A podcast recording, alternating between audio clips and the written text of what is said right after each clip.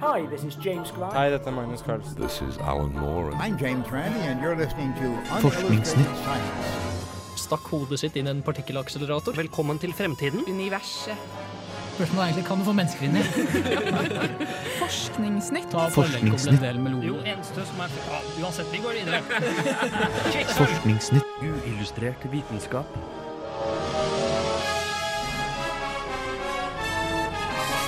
Forskningsnytt. It works, bitches. I denne ukas Uillustrert vitenskap skal vi høre en gigantisk radioteleskop, om veldig små solseil som vi skal sende til nabostjerna vår, og om hvordan SpaceX klarte å lande en rakett på vannet. Forskningsnytt. Hallo og hjertelig velkommen tilbake til oss her i studio. Du hører nå på Uillustrert vitenskap her på Radio Revolt denne vakre lørdags ettermiddagen. Mitt navn er Andreas Haugland, og jeg skal lose dere gjennom eh, denne radiosendingen. Og i dag har jeg med meg Andreas, Ja, det har du. og jeg er Håkon, Yes. og jeg er Martin. Ja, I dag skal du få høre om veldig mye spennende og særlig mye verdensromrelatert. Men aller først skal vi gå videre til den første låten, som er Halcyon Years av Panda Panda.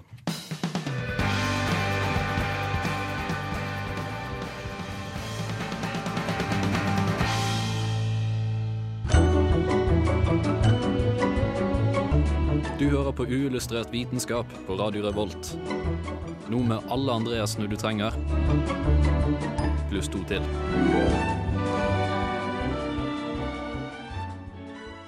Ja, For en vakker eh, jingle, Martin. Det var, Takk, det var nydelig. nydelig Det er helt ny. Skal dere lure på det? Ja, Har det skjedd noe kult siden sist? Nå er det en god uke siden vi hadde sending sist. Mhm. Så det har skjedd mye spennende. Vel, eh, jeg går kjemi, så da er det jo eh, mye laboratoriearbeid. Ja, Og en litt artig ting som skjedde når jeg var på lab i organisk kjemi på torsdag, det var at det sto eh, en målekolbe med konsentrert salpetersyre og en med ammoniakk ved siden av hverandre. Det hørtes jo artig ut, ja. Ja, så Ammoniakk damper jo veldig. Så den begynte å dampe opp, og så så du bare at dampen gikk ned i eh, kolben ved siden av. Og så på vei mot bunnen så så du dampen til de to stoffene reagere med hverandre, Ja. før han traff bunnen, og det bare begynte å frese oppover. Var det det som var den uh, eksplosjonen som uh, var- måtte uh, evakuere NTNU nå? Nei, det var ikke noe særlig eksplosjon, men det var bare litt sånn kul røyk, da. Ja. Var det gøy? Spennende. Ja, det var litt gøy. Det var sånn der uh, yes. Men eh, Endelig skjer det noe.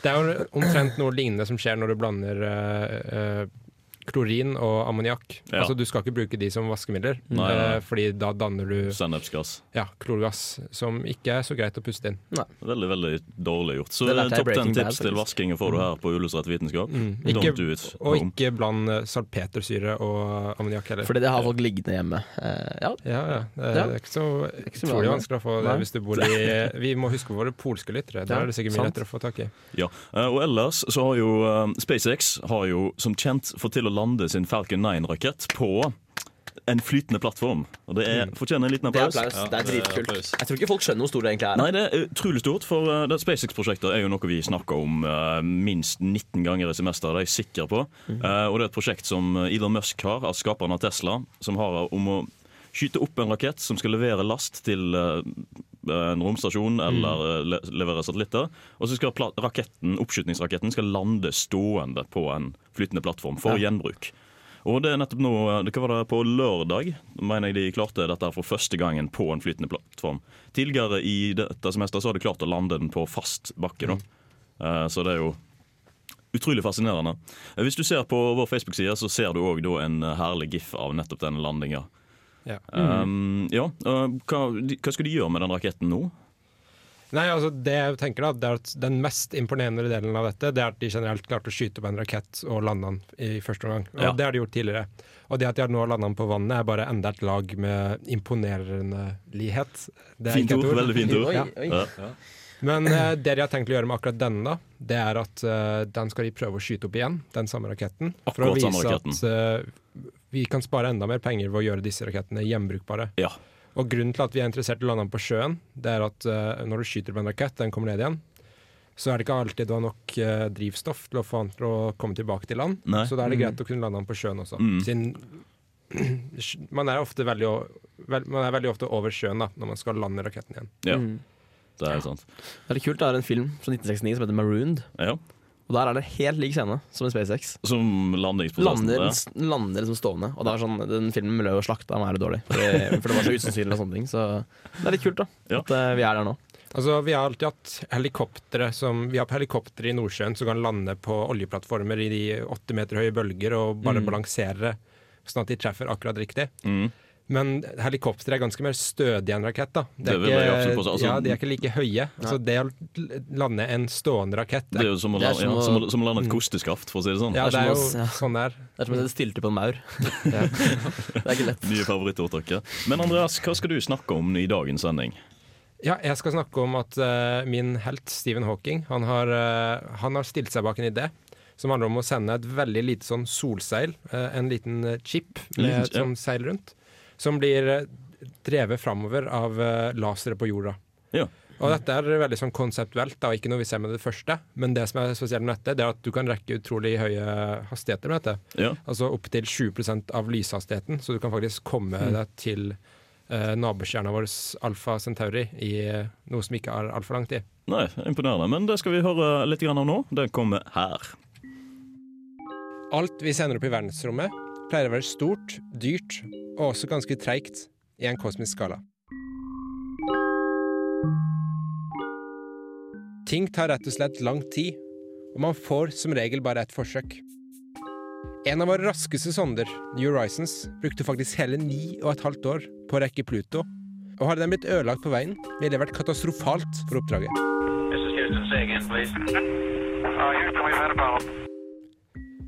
Men hva om vi begynte å tenke litt utenfor boksen, og i stedet for å produsere disse store hulkene av romsonder, produserte billige minisonder som også kan akselereres opp til en fjerdedel av lysfarten?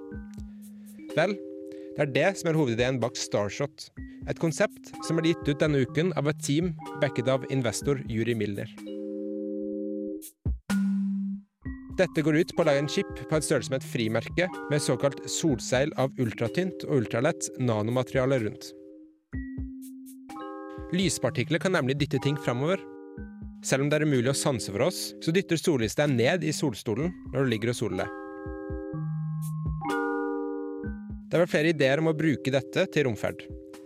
Den ideen som kanskje har blitt snakket om mest til nå, har vært å bygge et gigantisk solseil som bruker lyset fra sola til å dytte seg framover. Dette er veldig vanskelig å få til, da, siden du trenger et seil på flere kilometer, noe som er svært vanskelig å bygge eller få opp i verdensrommet.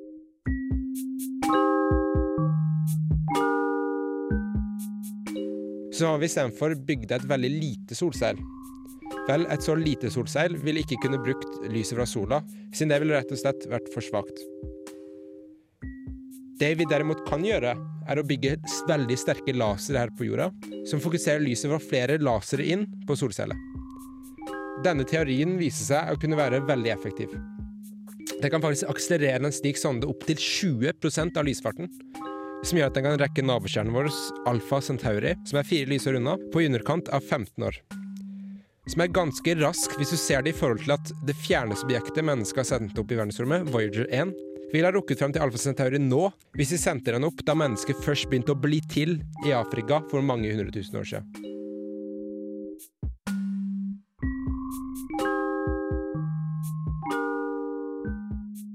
Starshot vil ikke bare kunne brukes til å nå nabostjerner, men det kan også brukes til flere ting innad i solsystemet. Fordi den er så billig, vil vi kunne sende ut mange av den, og spre dem rundt i rommet, som en løvetann sprer sporene sine. Vi vil kunne sende ut hundrevis i året, og det vil ikke gjøre noe om en blir ødelagt, for vi sender flere til samme mål. Vi vil også ha råd til å ofre dem ved å f.eks. sende dem veldig nær objekter vi er interessert i.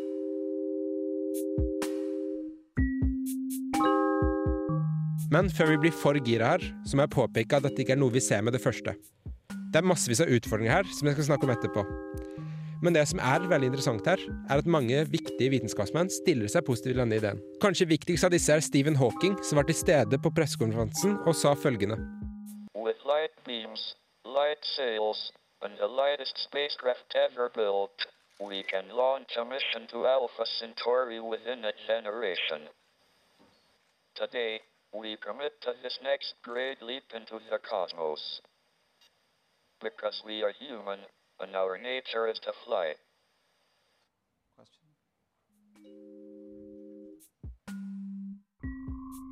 Og litt som Stephen Hawking er, vil jeg alltid være en drømmer og en optimist.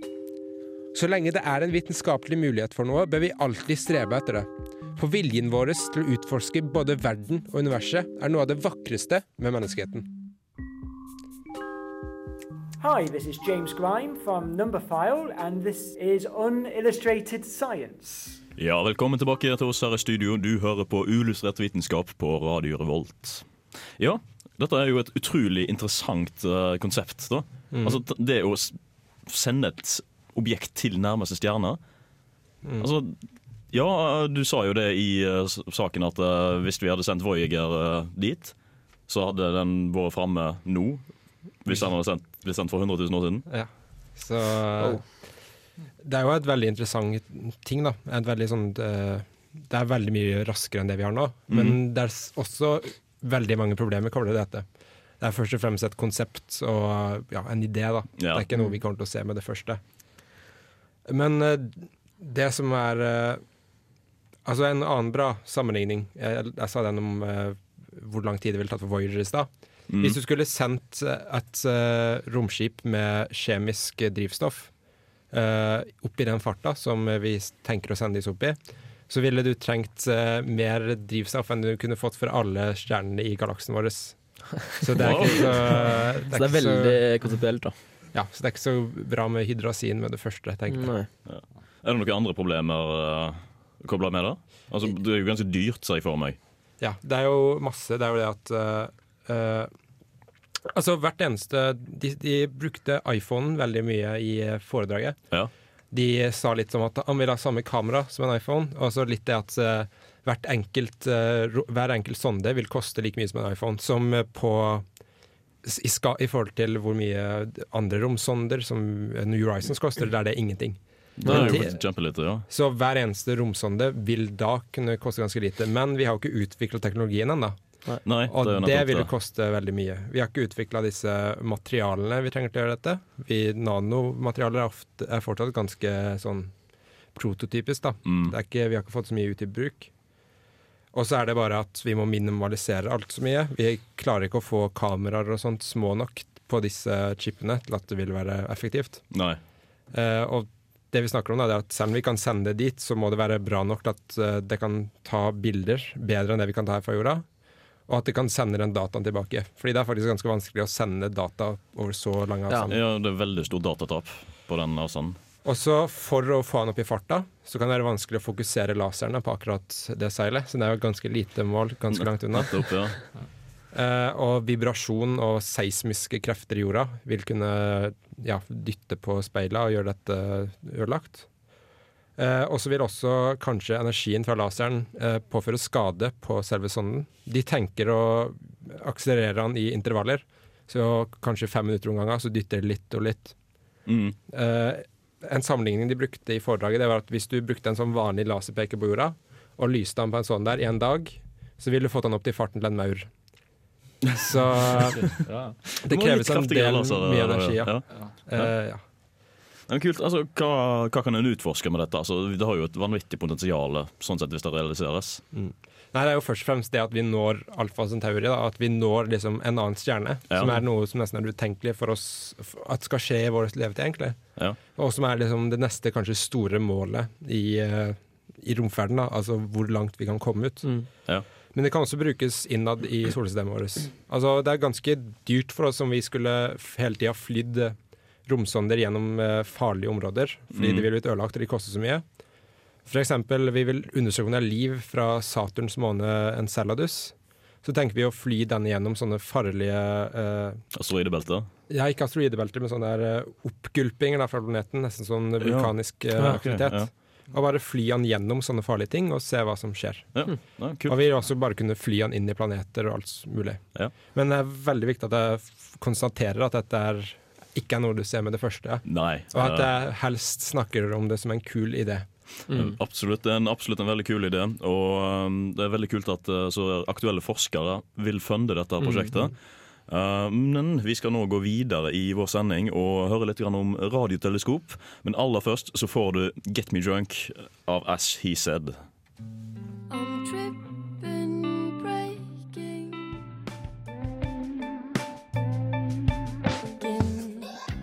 tyngdekraften.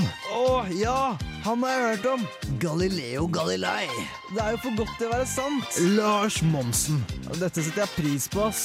Tycho Brahe. Mm. Ah, krass fysikk.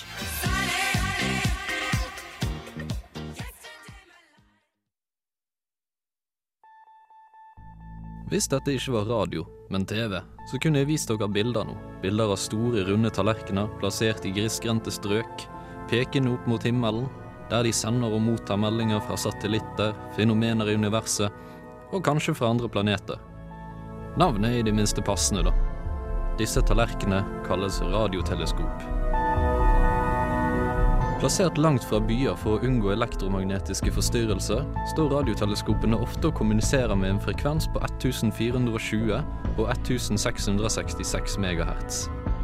En del av det elektromagnetiske spekteret som verken blir stoppet eller forstyrret av jordens atmosfære, og er også kjent som the water hole. Disse frekvensene tilsvarer henholdsvis bølgelengder på ca. 21 og 18 cm i det elektromagnetiske spekteret. Til sammenligning så er sending av radioprogrammer på 148,5 kHz til 30 MHz avhengig om det er kortbølge, langbølge eller noe midt imellom. Men hva bruker man egentlig radioteleskop til? Vel, som sagt, kommunikasjon med satellitter, men også i astronomi. Pga. frekvensrekkevidden radioteleskopene bruker, kan de se mye lenger enn optiske teleskop. De står derfor bl.a. for oppdagelsen av klasser og objekter i universet med spesielle navn som radiogalakse, kvasarer, pulsarer og maserer. Oppdagelsen av kosmisk bakgrunnsstråling, ansett som bevis for Big Bang-teorien, var gjort gjennom bruk av radioteleskop. Annen bruk av radioteleskop går ut på å sende radiomeldinger til potensielle sivilisasjoner og radioamatører i fjerne solsystem. Den største tallerkenen har en diameter på 305 meter og en del av Arecibo-observatoriet i Puerto Rico. Den sendte i 1974 en binær melding med beskrivelse av titallssystemet, mennesket, solsystemet og viktige grunnstoffer. Meldingen ble sendt mot M13, en klase med stjerner 25 000 lyser unna. Så nå gjenstår det egentlig bare å se om vi noensinne får et svar.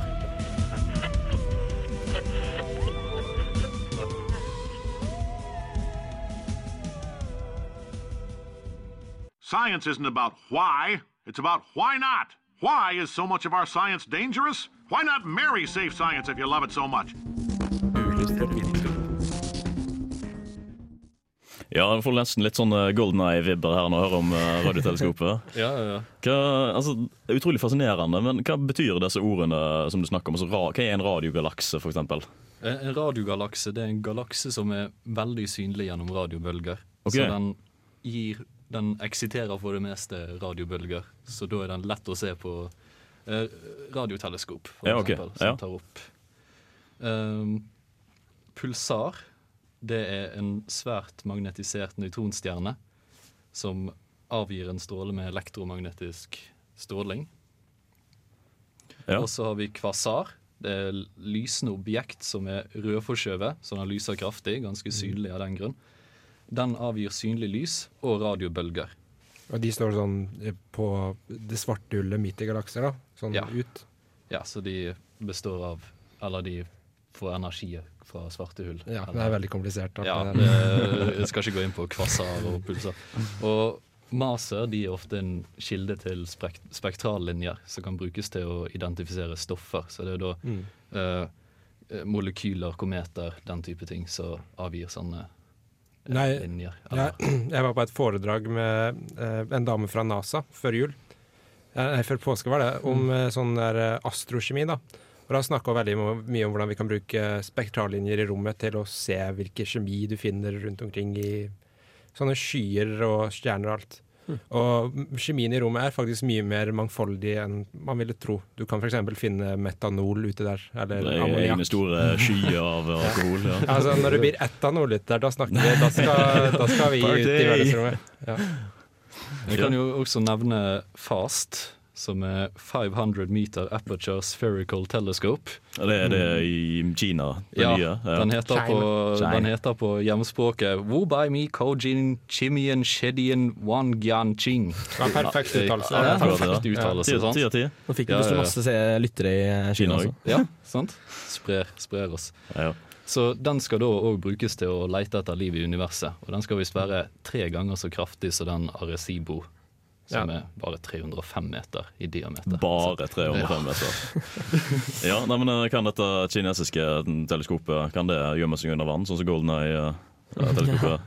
Eh, det vet jeg ikke. Det Det, kan, det kan hende de har et annet et som er enda større, som vi ikke vet om. Ja, Gjemmer seg i- Kinahavet eller noe sånt. Ja. Det, som, det som er utrolig fascinerende med akkurat radiobølger, da, det er at i teorien, hvis du satt deg i romskipet ditt og reiste til en planet eh, 70 lysår unna, så kunne du, eh, hvis du klarte å finstille radioen din veldig, da, siden det blir jo veldig mye sånn bråk på det, men da kunne du i teorien sittet der og hørt på norske radiosendinger fra 70-tallet, da kongen eh, sendte radiosendinger fra. England under krigen.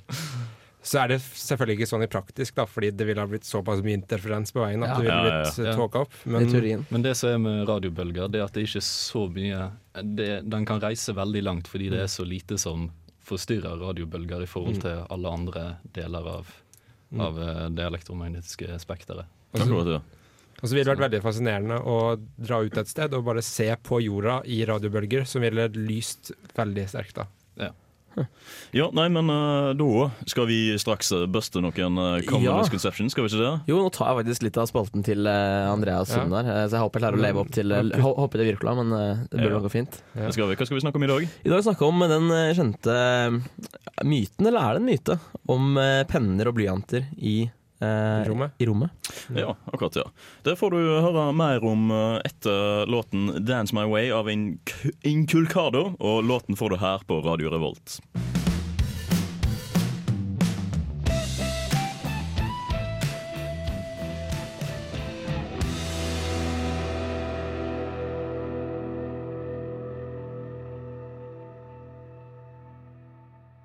Visste du at man kan se den kinesiske mur fra verdensrommet? Eh, faktisk så Tulling! Eskimoene har 50 ord for snø. Nei, egentlig ikke. Nei. Strutser stikker hodet i bakken og er redde.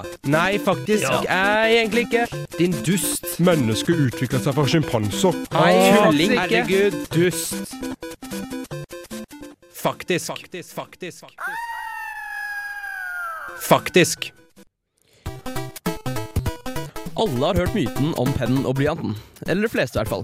Under storhetstiden på romkappløpet i 1960 har man alltid hørt at NASAs forskere innså at penner ikke kunne fungere i verdensrommet.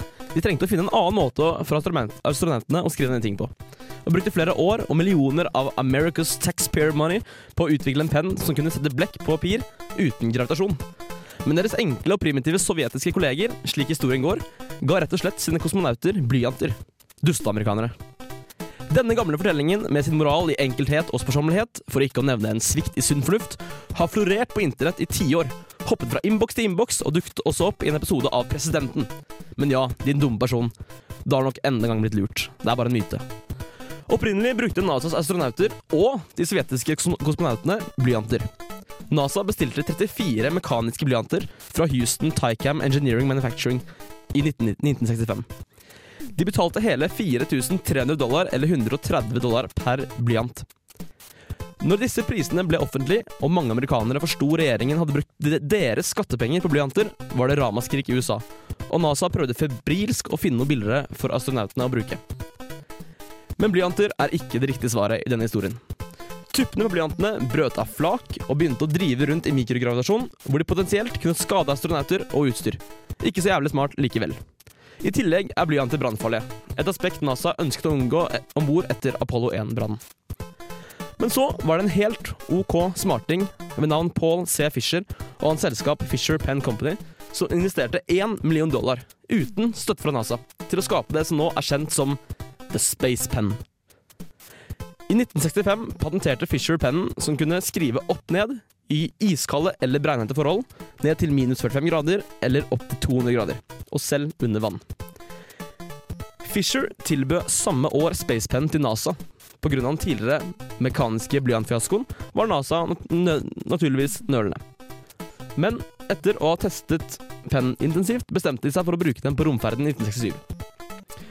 I motsetning til de fleste kulepenner som bruker gravitasjon til å få blekket ned på papiret, er Fischer sin penn satt under trykk med nitrogen.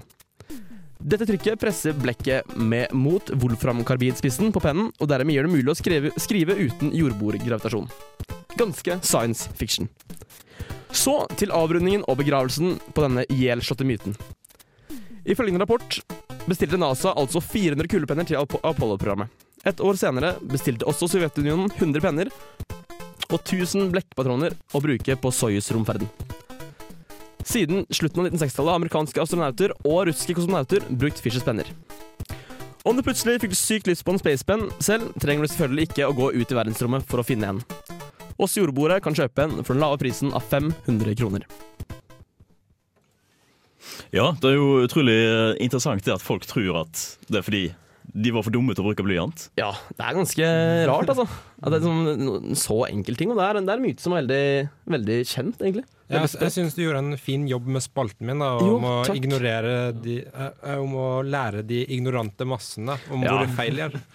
Mange duste mennesker rundt der. Amerikanere Ja, og alt mange. mulig. Det er det som er meningen med den spalten. Ja. Eh, det er veldig interessant, da. Det der med I verdensrommet så kan noe så enkelt som en blyant være farlig. Ja, absolutt. Og så hvor mye man må tenke ting på nytt da, for å gjøre ting i verdensrommet. Mm. Og Det er det som har vært veldig interessant med å se videoer fra romstasjonen. Det er Ja. bare alle de måtene de må gjøre små ting i hverdagen forskjellig. Det er jo, ja. Eh, Ikke bare har de utvikla en spesiell penn til verdensrommet, men de måtte også utvikle en spesiell kaffekopp. Fordi det er kjipt å få kokende kaffe i trynet ditt. Ja. Så de har liksom utvikla en sånn kul eh, kaffekopp man kan google, som har en sånn spesiell eh, tut da, som gjør at ikke kaffen skvulper opp. Så det er egentlig bare en sånn voksen barne, barnekopp, babykopp. Mm. Ja. Så stort sett alt som skjer i verdensrommet er kulere enn det er her på jorda. Ja. Bortsett fra at du må spise mat fra tube. Ja, jo, ja, men altså, du er i verdensrommet, hallo. Ja, men- kan, kan klare å spise mat fra tube, da. altså, du kan drikke vann ved å bare putte en kule med vann i lufta og bare ta rennafart og hoppe inn i den. Det er, Mm. det er så fett. Altså, det er kult, men hvis all maten min skal komme fra en tube, det er litt, det er litt på kanten. Ja. Men er ikke det hva å være i militæret er også? Ja, Du det får er jo tubemat der òg, skulle jeg si. Ja. Jeg, liker kaviaren min fra tuba, altså. Er Ja. Rett fra tuba. Rett fra tuba. Ikke noe brødskive. Ikke noe, ikke noe brødskive, ikke noe knekkebrød. Jeg spiser faktisk eh, tre pakker eh, kaviar hver morgen. Er, Wow. eh, Men det har ingenting i, i forhold til Vossa får forbruket til Andreas Rippele. Så, Ja, nei, eh, hvis dere savner Andreas, så er han dessverre å spise Vossa for i dag òg. Han kunne egentlig komme hvis vi hadde sending klokka seks, men det har seg så at vi har sending klokka fire. Og det er midt i Vessa for eh, prime ja, time, Nei, han rakk rett og slett ikke å spise opp all Vossaforen sin før den tida. Og fyren er fra Voss, han er såpass glad i Vossafor at Mm. det rett og slett ikke gjorde seg å komme på sending i dag. Så vi beklager for det ytterst. Beklager sterkt for det. Og hvis ikke det var tydelig nok at vi bare snakker nå for å trekke ut tida, så er det det vi nettopp gjør. Dere får nå eh, slutte å høre på oss og høre heller låten av Maja Vik. Her kommer Natural Selection, og den får du på Radio Revolt.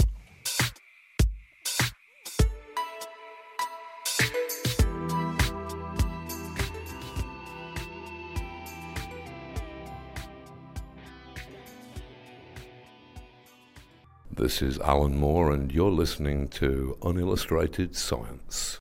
Ja, velkommen tilbake til oss her i studio. Det har vært ei spennende sending i dag, Andreas. Mm. Det dere ikke har fått lagt merke til, dere som hører på, det er at eh, Håkon og Martin har klippa seg. Ja, Det synes jeg er veldig viktig å nevne. Ja. Jeg har ikke merket det på stemmen min nå. Jeg har litt sånn lettere stemme. Ja, litt mindre press på hodet. Ja, mm, Ja. Så det er veldig det Ja, nei, nei, nei, nei, men eh, det har jo vært eh, Vi har snakka om mye kult i dag. Og eh, hvis du har lyst til å høre på dette her seinere, så er det bare til å klikke deg inn på dusken.no og finne oss der og høre på Stream on Demand eller podkast. Ja. Gi oss gjerne en like på Facebook også.